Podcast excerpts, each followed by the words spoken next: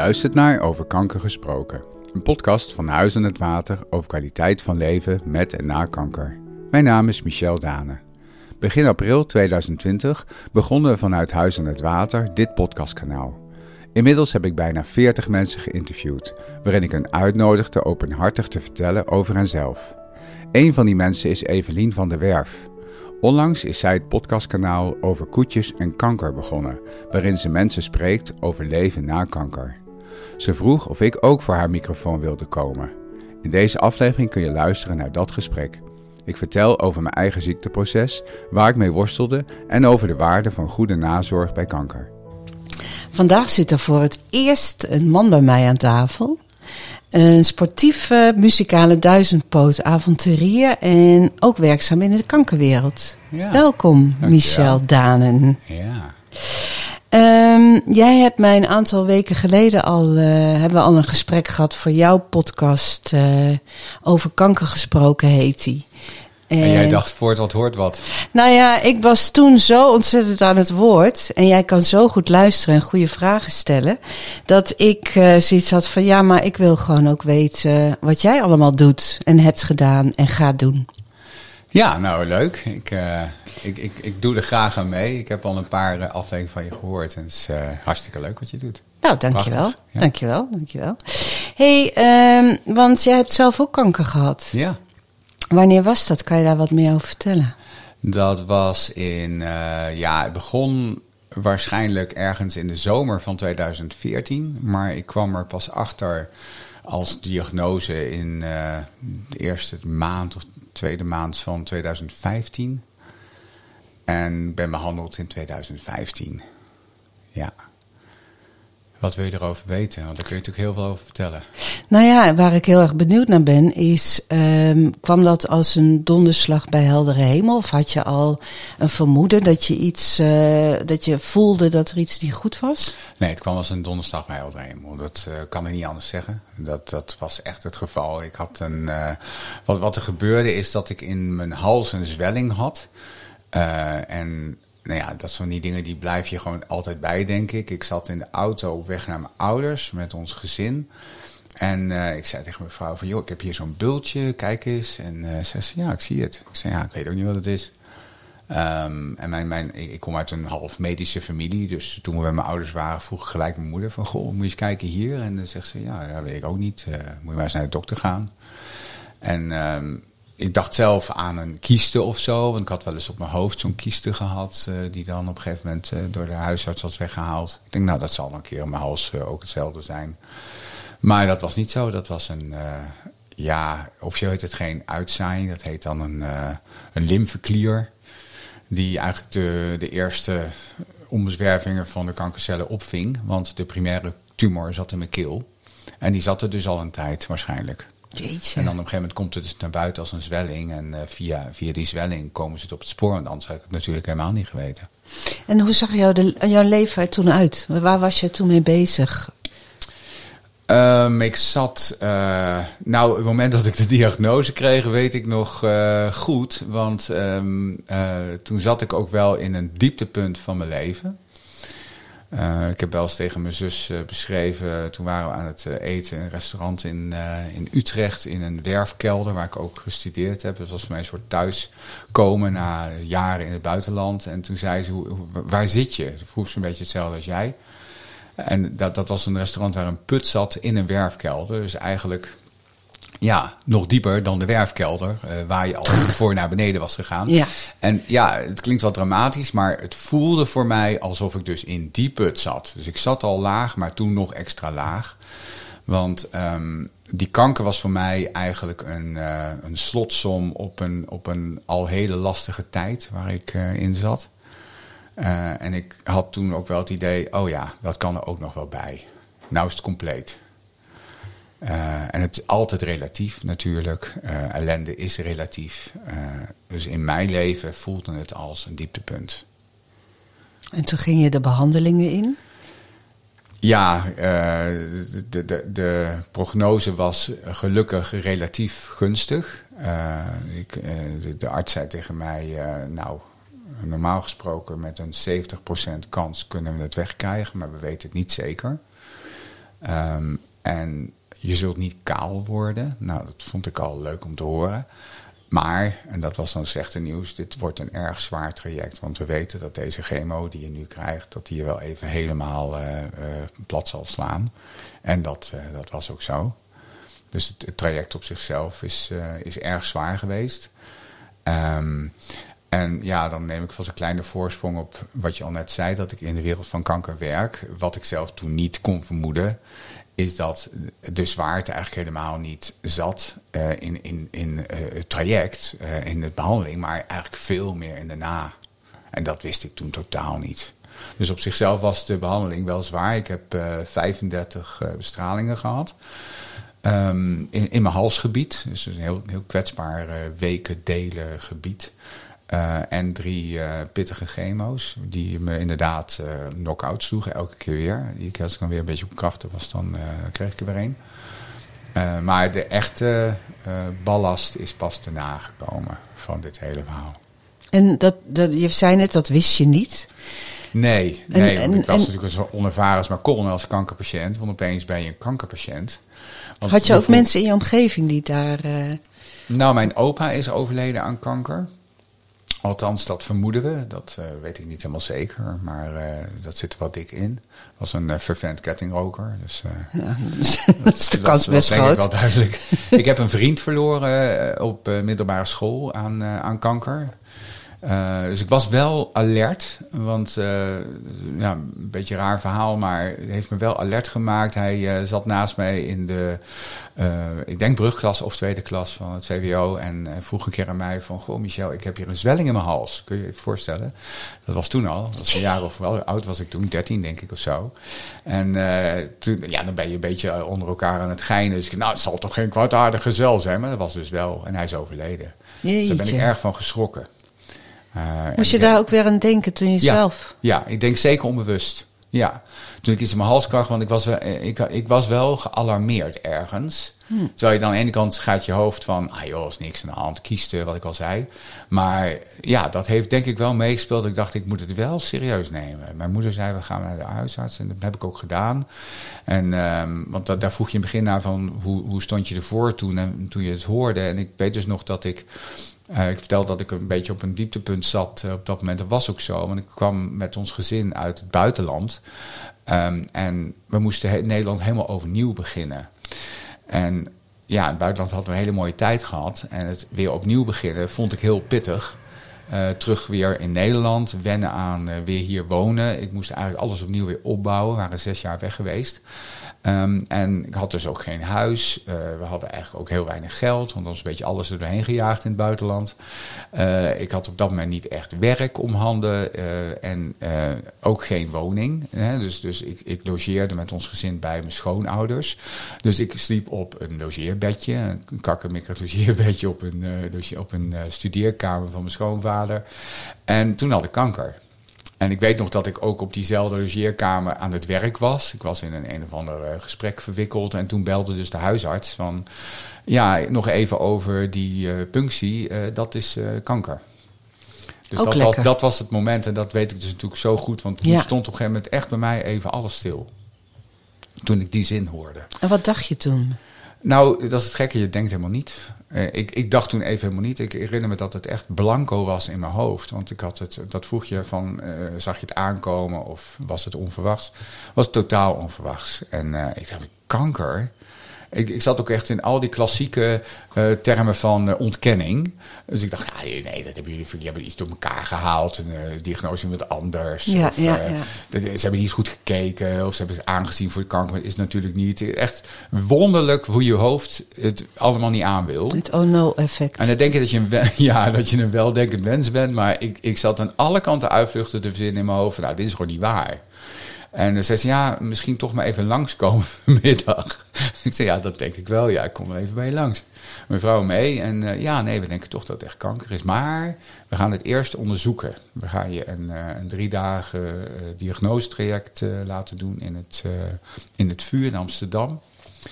En dan gaan we het zeker weten. En, maar onze onze intentie is uitsluiten. Dus niet, uh, niet dat we het gaan verifiëren. We gaan het uitsluiten. We willen zeker weten dat het geen kanker is. Maar uh, bij de tweede dag van de diagnose van die, uh, dat traject was het toch duidelijk van ja, dit is gewoon een tumor en dat moeten we aanpakken, anders ga je dood. Dat lijkt me ook heel ingewikkeld, want je vertelt dat je inderdaad uh, out of the blue een kankerdiagnose krijgt. Maar je zit ook nog eens in een hele, uh, niet op je eigen plek. Ja. Je bent aan het logeren, je hebt uh, zes jaar in het buitenland gewoond. Je hebt nog niet echt de stevigheid onder je voeten, überhaupt niet. Ja. En daar wordt dan nog eens een keer door zo'n diagnose, word je helemaal onderuit gehaald. Ja, daarom voelt het voor mij dus extra diep wat ik beschreef in Ja. de werfkelder. Nog een keer in de put. Van oké, dat er ook nog bij. Nu is het wel misschien langzamerhand compleet. Uh, Nou ja, erger kan het niet worden. Nee, er zijn natuurlijk altijd, het is altijd relatief. Het kan waarschijnlijk nog wel een stuk erger. Ik, ik, had bijvoorbeeld een relatief goede prognose. Nou, dat kan ook nog een stuk erger. Gelukkig waren mijn kinderen gezond en mijn vrouw was gezond. Dus ik kan me wel, en wil ik niet eens, maar je kan je natuurlijk voorstellen dat het allemaal nog veel erger kan. Maar voor mij voelde dit als, dit is wel het dieptepunt. En inderdaad, ik had zo'n wankele basis op dat moment. Ik voelde me echt heel kwetsbaar. Uh, je mannelijke trots is natuurlijk even helemaal aangetast. Dat je gewoon bij je schoonouders uh, moet intrekken. Om Ja, is dat even... zo? Ja, vond ik wel. Ja, had ik heel veel last van. Ja, heel erg. En uh, ja, ik, ik heb eigenlijk altijd kunnen vertrouwen op mijn lichaam. Ik, ik was enorm sportief altijd. sport was voor mij een heel belangrijk onderdeel van mijn leven. En mijn lichaam, daar kon ik altijd van op aan. En nu opeens dus blijkbaar niet. Jeetje, ja. Ja, daar schrok ik heel erg van. Nou ja, ik kan me inderdaad voorstellen dat als je altijd uh, uh, goed voor je lijf hebt gezorgd. Um, dat het een soort van uh, ook, ook een, hoe zeg je dat? Um, He, dat, dat, dat vertrouwen, dat is, dat is dan natuurlijk compleet weg. Ja, was geschaad. Was ja. geschaad, Ja, ik, kon echt uh, even helemaal niet meer mijn houvast vinden in mijn lichaam. Want uh, ik voelde het als een, ja, misschien wel zwaar gesteld, maar ik voelde het wel als een verraad. Verraad. Er was blijkbaar uh, een, een, een soort tijdbom in mij aan het groeien. Zonder dat ik dat wist. En het gekke was dat, ik had het net over het houden vast. Ik had dus een, uh, een hele kwetsbare periode. Hè. Ik, ik, was helemaal niet blij dat we terug waren in Nederland. Uh, ik, ik, vond het heel lastig om zo afhankelijk te moeten zijn qua woning, qua geld. Um, dan had ik niet eens een eigen auto, van niks, weet je wel. En, en ik, ik, dacht van, ja, maar ik heb wel mijn sport nog. Mhm. Mm -hmm. Dus ik, ik liep bijna elke dag hard. En ik voelde me heel sterk en vitaal. Ik denk van, nou, dat heb ik nog wel. Maar in datzelfde lijf dat nog heel goed uh, rende, zat dus blijkbaar een tumor. En als ik niks deed, dan zou me dat fataal worden. Dus dat was echt een schok. Van ook die, dat houvast had ik dus blijkbaar niet meer. En toen, nou, je vertelde wat, wat je allemaal moest doen, hè, chemokuur, bestralingen. Heb je gaandeweg ergens anders houvast kunnen vinden? Of hoe, hoe ging dat voor jou? Nou, wat, wat ik nu, je zei al, ik werk in, in de wereld van kanker. Uh, ik hoor dit vaak terug dat er toch echt een onderscheid is tussen de fase van behandeling en erna. En in de fase van behandeling stond ik inderdaad echt in die overleefstand. Ik was gewoon bezig met uh, het schema. Uh, van vijf dagen in de week bestraling en, nou ja, en dan die, die, die chemo's. Um, daar, daar was mijn focus. En zo van, nou, we gaan dit varkentje even wassen. We gaan gewoon beter worden. En ik was eigenlijk nog helemaal niet bezig met uh, wat houdt dit nou eigenlijk in uh, in mijn leven. Uh, misschien is dat ook wel goed hoor. Want ja, je komt in een malle molen terecht. En de Ja, medische nou- molen, nou, daar weet je alles van zelf. Ja, nou ja, ik, ik inderdaad, ik vraag naar wat is dan jouw vast? En dat is denk ik voor mensen, of tenminste toen ik zelf nooit kanker had gehad, kon ik me dat ook niet indenken. Maar juist een eh, duidelijkheid in wat je moet gaan doen, is op dat moment misschien wel je houvast. Hè? Dat je dat schema hebt. Hè? Ik had ook op, in de keuken hele schema's wanneer ik bestraald moest worden. En je, bent, je hebt daar gewoon een heel een, een, baan aan. Ja, en ik had het geluk dat uh, mijn vrouw uh, uh, echt de rol oppakte van mantelzorger. Dus ik heb enorm veel steun van haar ervaren. Want zij was degene die mij, terwijl ik dan weer kotsmisselijk was, in het autootje van mijn schoonmoeder naar het ziekenhuis bracht. En dan als ik dan zei, wil je even stoppen als kanselwerk, je moet nu echt kotsen. Dan deed ze dat. En ze was er gewoon voortdurend. Dat was natuurlijk fantastisch dat ik, dat ik haar had naast me. Maar ik was zelf gewoon vooral bezig met ja, me weer beter voelen. Ik die, die, die germo's die sloegen me zo uit het lood. Ik ben ook meerdere keren teruggemoeten naar het ziekenhuis uh, tussentijds. Omdat ik gewoon het, het niet volhield in, in die logeerkamer. Uitgedroogd en, en te, te zeer verzwakt. Dus ik kun je voorstellen, ik was echt wat dat betreft uh, een, een, dag en nacht verschil uh, met een paar weken ervoor. Omdat ik gewoon ervoor echt uh, ja, gewoon kon doen wat ik wilde. En lekker aan het sporten was. En in één keer was ik echt een heel oud, verzwakt mannetje geworden. die niet wist hoe die op zijn benen moest blijven staan. Echt bizar hoe dat kan. Ja, maar weet je wat ik nou eigenlijk zo apart vind als ik naar jou luister. Je zei even geleden, zei je van nou, het hele kankertraject, je beschrijft nu hoe zwaar het was. Het hele kankertraject traject was niet het allermoeilijkste, maar toen ik klaar was, begon het eigenlijk pas. Ja, ja. ja dat, dat, dat is ook echt zo. Uh, en daar had ik natuurlijk nog helemaal geen weet van, maar um, dat um, de existentiële angst voor dit kan wel eens afgelopen zijn dat had ik nog helemaal niet binnen laten komen. Ik praatte er wel over. Bijvoorbeeld mijn zus kwam me opzoeken toen ik uh, moest overnachten in het ziekenhuis. En uh, mooie aanleiding om elkaar weer eens even te zien. Want uh, boer, is, boer is ziek. Nou ja, en, en toen, toen zei ze ook, ben je bang? Ben je bang voor de dood? Nou, ik was niet bang voor de dood. Ik ben eigenlijk helemaal niet bang voor de dood. Uh, ja, als kind wel. Maar tijdens mijn kindertijd heb ik daar enorm diep op gefilosofeerd. Toen was ik acht jaar. Best bizar eigenlijk als je er terug over nadenkt. Maar ik heb uh, een, een, een, maand of twee heel erg gecontempleerd op het begrip dood. Als, als oh, jongetje ja? van acht, ja. En voor die tijd was ik zo bang uh, toen had het woord nooit voor mij ook een hele diepe betekenis. Nooit betekent nooit meer tot leven komen. Dat is dood. En zo zag ik het ook voor me. En, en um, dat heeft zich totaal verdraaid, dus in de goede richting. Omdat uh, na dat nadenken kwam er bij mij een bewustzijn boven, dat heel persoonlijk is. Maar voor mij werkt het. Uh, er is geen nooit. Er is een altijd. Wow. En dus hoef ik ook niet bang te zijn voor de dood, want ik ben er altijd hetzelfde als iedereen naast mij. We zijn er altijd. Het leven gaat altijd door. Dus die angst fundamenteel is, uh, is weg. Ik heb geen angst voor de dood. Uh, wel angst om mijn gezin los te moeten laten. Mijn kinderen uh, los te moeten laten als dat ze geen vader meer hebben. Mijn vrouw los te moeten laten en alle anderen die me dierbaar zijn. Daar had ik wel heel veel moeite mee. Maar dat, dat stelde ik uit. En die angsten kwamen eigenlijk pas daarna, toen de rust een beetje als wedergekeerd, uh, althans fysiek. Die kwamen wel even flink naar me toe. Daar heb ik heel veel last van gehad. En, en was je daarvoor gewaarschuwd? Had je dat nee. in het ziekenhuis? Nee, nee, hè? nee, nee. Nee. Want je zegt van toen kwam dat uh, heel hard binnen. Hoe, ja. hoe, merkte je dat? Kan je daar voorbeelden uh, van geven? Nou ja, fysiek sowieso. Uh, de angst van komt het weer terug. Mhm. Mm -hmm. dus steeds maar weer bijna panisch voelen aan mijn hals van zit er, zit er weer iets. Um, dat, dat werd een soort bijna tik van oh zit er wat, zit er wat. Ja, dat is ook niet gezond natuurlijk. Maar ook echt fundamenteel vertrouwen in mijn lichaam kwijt zijn. Ja, dat, dat, is, uh, dat is lastig. Ik vond het heel lastig om, uh, om, om het vertrouwen zo kwijt te zijn. Uh, van, kan ik nog wel onbe onbevangen van het leven genieten? Als ik zo ja, iedere keer maar weer bezig ben van, komt het allemaal terug? En wat is er eigenlijk gebeurd? Dus ik, ik vond dat eigenlijk een hele zware tijd. van, ja, dat wil je eigenlijk niet. Zo je niet in het leven staan. Dat je steeds meer bezig moet zijn van, hoe lang heb ik nog? Uh, en dat is niet eens reëel. Want ja, dat zou reëler zijn als ik inderdaad een palliatieve diagnose had gekregen. Van, nou ja, we weten niet hoe lang, maar je gaat hier binnenkort aan overlijden. Dan is het reëler. Maar bij mij was het eigenlijk heel positief.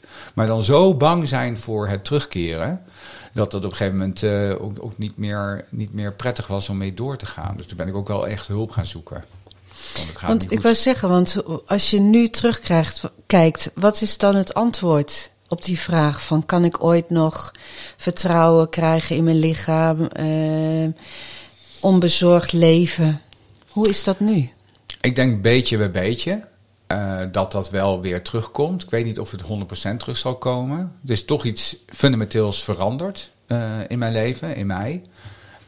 want ja, dit, dit was er daarvoor niet. Er is een Michel ervoor en een Michel daarna. Dat is gewoon zo. Ja, dat hoor ik van iedereen. Ja, ja. Maar en... wat is dan hetgeen dat, dat is het dan de confrontatie met de eindigheid van het leven? Is het eh, door de, het, het, het, dat je je lichaam niet uh, dingen doet die je niet doorhebt? Of wat is dat dan? Waardoor is het ervoor en daarna? Uh, nou ja, die onbevangenheid is weg. Um, dat, dat is, vind ik wel een hele belangrijke. inderdaad, uh, en, en, en daar ben ik natuurlijk heel gezegend dat ik in mijn leven tot dan toe nog nooit dat zo heel erg dichtbij had gevoeld zelf. Dat er inderdaad een eindigheid is. En echt voor het eerst nadacht van... hé, hey, het kan ook wel eens eerder afgelopen zijn dan dat ik altijd heb bedacht. Want je hebt een soort idee van later. Ja. ja ik ben inmiddels ook niet de jongste meer, maar dat idee was er nog wel. Van nou, later. Later dan, als je oud bent en, en echt uh, klaar met je missie hier op aarde... Dan, dan is het tijd om te sterven en niet eerder. Maar dat hoeft dus helemaal niet zo zo te zijn. En dan, dat hoort, daar hoort dus afscheid bij en er hoort rouw bij. Ja, dat waren dingen waar ik in ieder geval mijn eigen leven nog niet zo mee bezig was geweest. En toen opeens wel. Van ook dat kan mij overkomen. Het is natuurlijk heel bizar eigenlijk. Hè? Dus dat je als mens leeft met het idee van ah, later. Terwijl we elke dag weten en zien dat er uh, natuurlijk heel veel uitzonderingen zijn. Maar dat zal dan wel niet voor mij gelden. Nou, wel ook voor mij. Want ik kan ook getroffen worden door een dodelijke ziekte. Maar wat heeft dat idee van dat, dat het zomaar afgelopen kan zijn, heeft dat dan nog iets gebracht nu, achteraf? Nou, ik denk wel dat ik um, uh, ook wel weer, al was ik al behoorlijk bewust bezig, maar wel, wel weer een heroriëntatie had op uh, wat is voor mij echt van belang. Dus dit heeft het nog makkelijker gemaakt. Het is niet zo dat ik ver van mijn pad af was. Zo voel ik dat zeker niet. Maar nog wel weer bewuster gemaakt van, joh, zorg alsjeblieft dat je in ieder geval goed blijft bij waar je echt mee bezig wil zijn. En probeer ook je tijd op een mooie manier te besteden waar je zelf achter kan staan. Uh, want je weet gewoon niet hoe lang je hebt. En altijd maar zeggen, ja, doe dat nu en doe het nu als investering voor later. Nou, dat weet je dus niet. Dus probeer ook een beetje nu te genieten. Uh, misschien ietsje meer dan dat ik ervoor deed. Dus in die zin zou je kunnen zeggen, heeft het me ook heel veel goeds gedaan. Ja, want je, je, je, je uh, gaat op een gegeven moment, ben je ook niet meer zo bezig met allerlei bullshit. Uh, tenminste, dat vond ik zelf ook heel fijn. Dat je heel veel dingen kon elimineren van, nou ja, daar ga ik me echt niet meer druk over maken. Ja, dat zei ik. Ik, was, eh, ik was denk ik ook wel wel bezig met uh, dingen die ik belangrijk vond. Hè. De hele keuze om naar het buitenland te gaan kwam ook voort uit hele bewuste keuzes. Dus ik had in ieder geval niet het gevoel dat ik maar wat deed. Maar nog bewuster ook wel echt genieten van de dingen die op dat moment voor mij echt waarde hebben. Nog wat nadrukkelijker daar prioriteit aan geven dat, dat is wel, denk ik, veranderd. Uh, al zal de buitenwereld misschien dat niet zo heel erg zien, maar ik voel dat zelf wel van nou. Hè, zoals we hier net in jouw geweldige plek uh, even daar aan het water zitten en dan op een, op een bankje en naar de, naar de vogels kijken. Ja, ik denk dat ik er nog meer van kan genieten dan ervoor. Dus dat idee van moet doordenderen in het leven, want ik heb allerlei doelen te bereiken. Later moet ik allemaal dingen regelen en zo en voor elkaar krijgen. Denk ik van nou, het is ook nu te genieten misschien wat dat betreft is het wel ongelooflijk mooi geweest. Uh, wat, wat ook bij mij gebeurd is. Mm -hmm. je vertelde net ook dat je hulp hebt gehad ja. in, in het traject. Waar ja. heb je die hulp gevonden? Nou, ik had um, sowieso heb ik een heel, heel sterke spirituele inslag. Dus er, eh, er zijn ook uh, mensen in mijn, um, in mijn netwerk die, die, die kijken meer op een spirituele manier naar het leven. En daar ben ik ook wel naartoe gegaan. Ik heb geprobeerd betekenis te geven aan ziekte. Uh, voor mij had dat waarde. Dus ik ben ook gaan kijken van waarom is dit gebeurd in mijn leven? Wat, welke betekenis kan ik eruit halen? Uh, zat hier ook een boodschap in voor mij. En uh, nou ja, daar heb ik wel, wel antwoorden op gekregen voor mezelf. En uh, ja, die waren voor mij wel belangrijk. Voor, voor, mij had het betekenis. En ik denk dat dat het belangrijkste is. Want het is natuurlijk voor iedereen heel individueel. Ik heb ook een psycholoog op een gegeven moment aanbevolen gekregen door, door mijn behandelend arts. Want die had op een gegeven moment ook wel in de gaten van... hé, hey, volgens mij mag je heel erg blij zijn hoe je er fysiek aan, aan toe bent nu. Want je bent eigenlijk wonderbaar wonderbaarlijk mooi hersteld hiervan. Dat zei hij ook zo. Uh, maar we zien wel steeds in jouw antwoorden op die vragenlijst die ik voortdurend moest invullen. Want ik zat ook in een internationaal onderzoek, uh, omdat het vrij zeldzaam is wat ik, uh, wat ik had. En daar bleek toch wel duidelijk uit van ja, ik bleef wel erg achter op dat psychosociale. En ik, ik weet het dan steeds ook wel aan, ja, maar ik kom ook wel van ver, want het, ik zat al helemaal niet lekker en toen gebeurde dit nog eens een keer. Dus daar kan je het ook wel een beetje mee relativeren, maar het bleef overeind dat ik gewoon helemaal niet blij was en uh, dat gewoon lastig vond en emotioneel gewoon helemaal niet, niet, niet lekker zat. En toen zei hij, ja, we hebben ook een psycholoog en kun je mee praten? Nou, ik, ik grijp het allemaal aan. Ik, ik vind, ik heb daar geen rem zitten. Ik denk van ja, als er hulp is, dan, dan grijp ik dat vast. Uh, nou, het heeft tot op zekere hoogte geholpen. Uh, niet, niet, niet zoals ik had gewild misschien. Dus ik bleef wel stoeien ermee. En dat is toch echt nog jaren zo bij, uh, doorgegaan. Hey, en dat stoeien, want dat, vond ik ook, dat vind ik ook interessant dat je dat zegt. Dat de buitenwereld misschien niet door had dat je aan het stoeien was. Ja. Maar jij zelf wel. Maar kan je een voorbeeld geven wat dat stoeien dan, hoe uitte zich dat? Um, heel erg geëmotioneerd kunnen raken. Nu mm. ben ik op zichzelf wel, en dat zien mensen niet altijd even makkelijk aan mij, omdat het ook wel een soort van buitenwereld neer kan zetten. Uh, wat ook best handig is. Hè? Als je dingen moet regelen in de buitenwereld, dan is het handig dat je niet te veel overmand wordt door wat je allemaal voelt. Maar op gezette tijden kwam dat er wel heel erg doorheen bij mij. En dat me ook zelf echt stoorde. Een voorbeeld, uh, mijn ouders waren 50 jaar getrouwd, denk ik. Uh, en uh, nou, ik, ik, ik, zing. Dus zij vroegen, Michel, zou je willen zingen? En nou, dat was niet zo heel lang nadat ik die behandeling had gehad. En het was ook best een gevoelig lied. En ik sta er dus voor die hele groep en ik, en ik breek. Nou, dan sta je op een bepaalde manier voelde ik zo voor schut. Want ik kon niet eens meer echt doorzingen, omdat ik zo overmand was door emoties. Maar dat had op zichzelf denk ik niet zo heel erg veel met dat lied te maken. Maar meer over dat ik, ja, voor mij is zingen een kanaal voor mijn emoties. En ik sta daar te zingen en al die emoties komen naar buiten. Dus ik vermoedde wel van, oh, ik denk dat ik nog wel wat werk te doen heb. Want anders komt het niet op zo'n onverwacht moment allemaal zo naar buiten. En het, het, het, het stoort me ook dat het gebeurt. Ik schaamde me dat ik voor die groep zo stond. En, hoe reageerde de groep dan? Ja, wisselend. Ik hoorde dat iemand uh, die ik niet nader zal noemen, een opmerking had gemaakt van nou, uh, waarom, uh, waarom gebeurt dit nou? Hij is, is toch al lang geleden. Oh, ja. En dat was dan anderhalf jaar.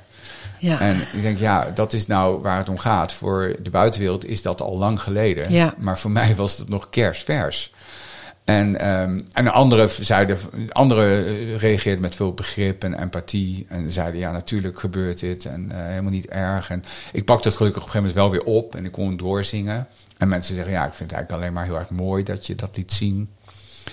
Um, nou, het is me ook in mijn werk gebeurd, ook niet eens zo heel lang geleden, toen ik een presentatie uitgerekend voor KWF moest houden. Voor twintig man in een Zoom-vergadering uh, moest ik het verhaal vertellen over wat ik aan het doen was vanuit Huis aan het Water en brak ik ook. En ja, toen, toen ben ik ook weer actiever op zoek gegaan naar hulp. Ik denk, er zit dus blijkbaar nog steeds uh, uh, emotie. Ik moet nog steeds blijkbaar er naartoe. Um, lukt me niet alleen.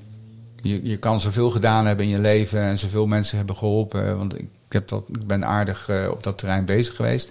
Maar je eigen proces is dan echt een ander hoofdstuk. En dan, dan is het dus blijkbaar ook niet altijd even makkelijk om er zelf uit te komen. Dat is echt een ander verhaal.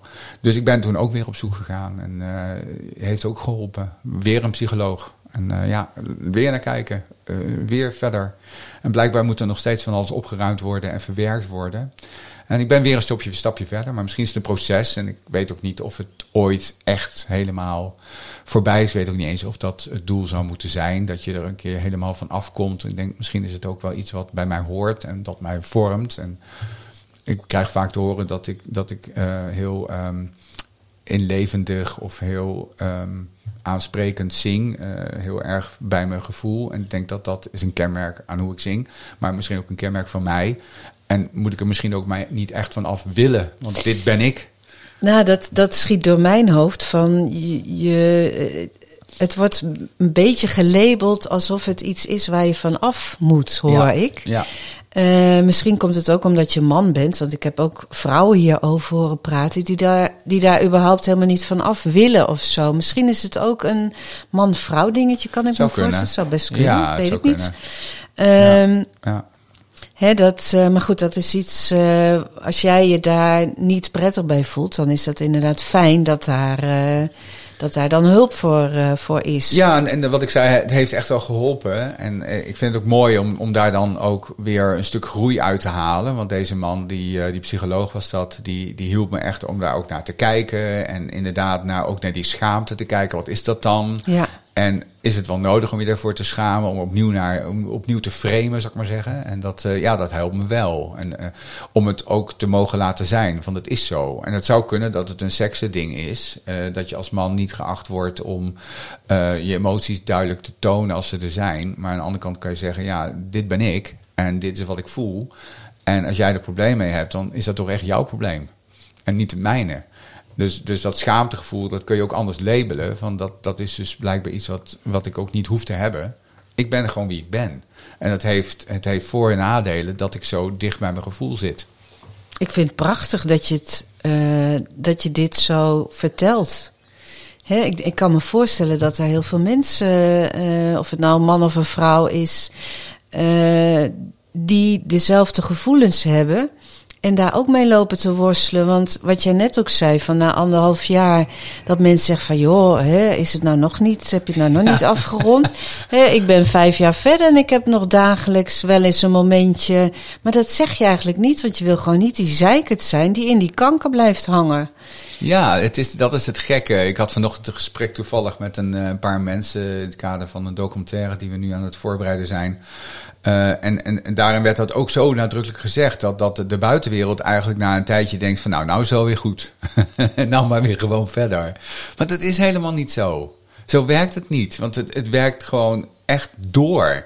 Het, dat, dat, dat psychosociale stuk, dat, dat is een heel belangrijk aspect van ziek worden om daar weer, dat weer een plek te geven. En het is natuurlijk echt ook een traumatische ervaring. Uh, het is toch een soort sluipmoordenaar die zich op een gegeven moment laat zien.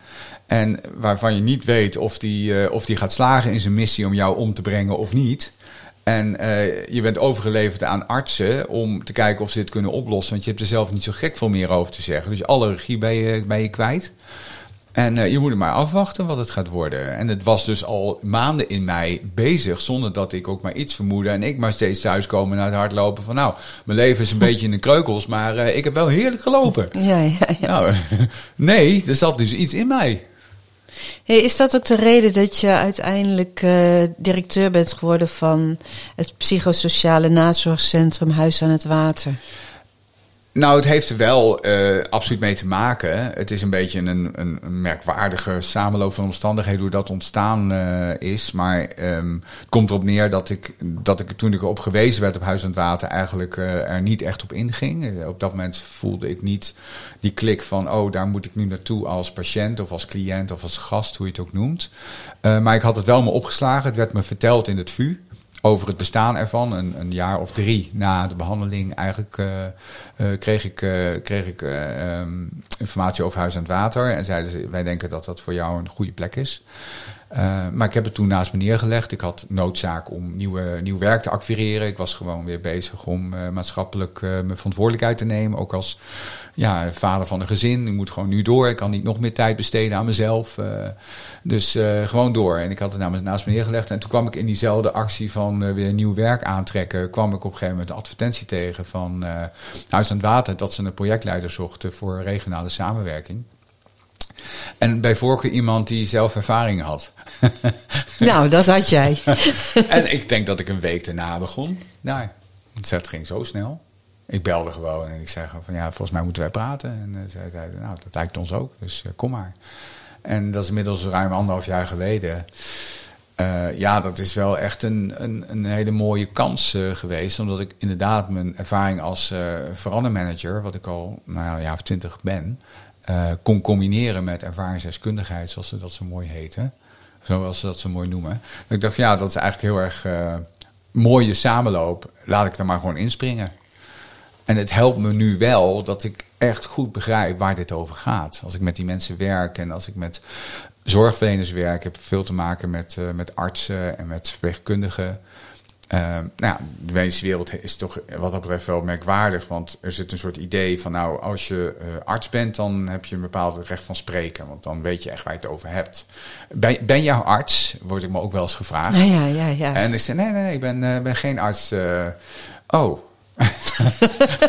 en dan en dan komt dan in het gesprek op een gegeven moment naar voren dat ik wel ervaringsdeskundig ben. Dat heeft blijkbaar ook predicaat geloofwaardig. Ja, ja, ja. Eh, en, ja. En, en dat is dan wel een voordeel om iets te kunnen betekenen in deze ja wereld. zeker. Zeker, ja, ik denk zelfs meer. Ik denk zelfs dat je eh, ehm, hè, artsen die eh, theoretische kennis hebben, natuurlijk praktische vaardigheden hebben, maar op emotioneel gebied ben je natuurlijk eh, eh, heel deskundig wat dat betreft. Ja, denk, denk het wel. Als je het echt zelf hebt ervaren. Natuurlijk is elke ervaring weer uniek. Maar ik sprak eh, onlangs voor, dat podcastkanaal waar, je, waar, waar jij ook in zit, zou ik maar zeggen. Over kanker gesproken. Sprak ik een, een man die, die, die, die ik al bewonderde van het feit dat wat mensen over hem zeiden. En toen ik hem echt mocht interviewen, toen is dat nog alleen maar toegenomen. En hij is oncoloog geweest, zo'n 30 jaar. eh Aart uh, Boghoven van Boghoven. Maar die, die zei op een gegeven moment, toen ik zelf patiënt werd, eh, veranderde toch iets in hoe ik met mijn patiënten Ja. omging. En ik denk dat die, die invalshoek is gewoon wel essentieel. Dat je echt goed doorleeft, zelf voelt wat het betekent om aan die kant te staan van ziek zijn. En, en zo indringend, ja, dat, dat, is, eh, dat is wel waardevol dat je dat kent. Moeilijk uit te leggen aan mensen die dat niet zo hebben meegemaakt. Hé, want wat, ehm, wat is het belangrijkste wat je kan bieden eh, met een nazorgcentrum? Nou ja, met een nazorgcentrum denk ik dat je eh, heel goed in staat bent, als ik dan het heb over Huis aan het Water, eh, dat, dat mensen een plek vinden daarin waar ze ehm, gelijke mensen tegenkomen, hè, mensen die dat ook hebben ervaren. En waar het niet raar gevonden wordt waar je op dat moment tegenaan loopt. En dat kan dus heel verschillend zijn, want mensen zijn verschillend. Eh, maar dat, het, dat je het niet allemaal hoeft uit te leggen, omdat we toch echt wel snappen waar je staat. En, en dat we aan een half woord genoeg hebben uh, met, elkaar. En dat we je kunnen bieden vanuit zo'n centrum wat je nodig hebt om verder te kunnen. Uh, om, om, om je kracht weer te vinden en weer verder te kunnen na, na zo'n ervaring. Is heel breed dus en, en ik denk heel belangrijk. Zeker. Ja, ik ben bij jullie geweest, uh, inderdaad, uh, toen, ik, uh, toen jij mij interviewde. Um, en wat mij heel erg opviel was dat er gewoon een hele grote wand is met allemaal folders van, ja. van yoga, cursussen, ontspanning, inspanning. Jullie hebben zelfs een heel sportcentrum erbij. Ja. Ja. gesprekken, maar ook gewoon een huiskamer, een koffiebarretje en echt een thuis. Ja, ja. Het is echt een thuis. Ja, en soms is het voor mensen ook echt een periode in hun leven een soort van thuis. Het is heel erg lastig in deze tijd dat dat veel minder mogelijk is. He, door het hele corona-verhaal uh, is het natuurlijk echt een tijd uh, anders. Maar het is voor veel mensen een, een, een enorme uitkomst dat er zo'n plek is. Uh, waar ze dat kunnen doen wat ze nodig hebben om weer verder te kunnen. En ik ben blij dat dit soort plekken er zijn. Er zijn er gelukkig uh, 75 van in Nederland. Hè. En uh, nou ja, die ga jij allemaal langs. Dus dat vind ik echt een geweldige actie van je. Echt super uh, dat je dat doet. Want het is natuurlijk, ja, niet voor iedereen, maar voor een grote groep mensen is dat een enorme uitkomst. Ja, het is gratis. Ja. Als er geen corona is, kan je daar gewoon binnenlopen, letterlijk. Ja. Dus dat is uh, fantastisch. En, en, en er is heel veel liefdevolle opvang. Uh, ja. Er zijn vrijwilligers die doen dit echt vanuit intrinsieke motivatie. Worden niet gevraagd om dit te doen, doen dat vanuit zichzelf. Nou, dat vind ik al geweldig als mensen zo bezig zijn. Ja. En, en helpen mensen om ja, dat te krijgen wat ze nodig hebben. Ja, ik vind het hartstikke mooi dat het er is. Hey, tot slot. Heb jij nog een tip voor de luisteraars van hoe, hoe als je terugkijkt, wat jij nu had willen weten over uh, ja, hoe je beter de draad van het leven weer op zou kunnen pakken? Een tip. Een tip is, um, denk ik, um, en dat klinkt een beetje clichématig, maar probeer, probeer een beetje bij jezelf te blijven. Van wat heb jij nou nodig? En uh, er hoeft geen orde overheen te zitten wat andere mensen vinden. Het is wat jij nodig hebt. Wat is voor jou van belang om weer door te kunnen? En dat wat het is, probeer dat aan jezelf te gunnen. Um, je hoeft geen schaamte op te zitten of een verwachting of wat ook wat andere mensen erop plakken. Het is voor jou blijkbaar belangrijk. Het is jou overkomen. Uh, het is ook jouw reactie op wat je is overkomen. En dus is het ook belangrijk dat jij krijgt wat je nodig hebt om weer verder te kunnen. En ik zou het heel fijn vinden als mensen gewoon zichzelf uh, dat kunnen gunnen ja, dan kom, je, dan kom je echt, denk ik, het makkelijkste door zo'n periode. Het is echt een ingrijpend iets. Ernstig ziek zijn is heel ingrijpend. Ehm, en wat ook heel fijn is, is denk ik, is om, uh, om mensen om je heen te vinden die, uh, die dat snappen. Uh, en, en die jou daar ook in respecteren. En op een gegeven moment zeggen van oké, we snappen dat het is zoals het is voor jou. En als dit is wat je nodig hebt, dan, dan ondersteunen we daarin. En dat kan bij een inloopshuis zijn, dat kan ook zijn je naaste. Of een, of een, een lotgenotengroep, of waar je het ook haalt. Maar iets wat jij nodig hebt om, uh, om, om, om de draad weer op te pakken. Uh, ongeacht de diagnose. Want er zijn natuurlijk ook mensen die krijgen een andere uitslag uh, van een diagnose. Maar dan nog is er nog zoveel mogelijk voor kwaliteit van leven. en, en dat wat jij nodig hebt, dat is wat, dat is wat belangrijk is. De rest is eigenlijk allemaal bijzaak. Dankjewel. Alsjeblieft.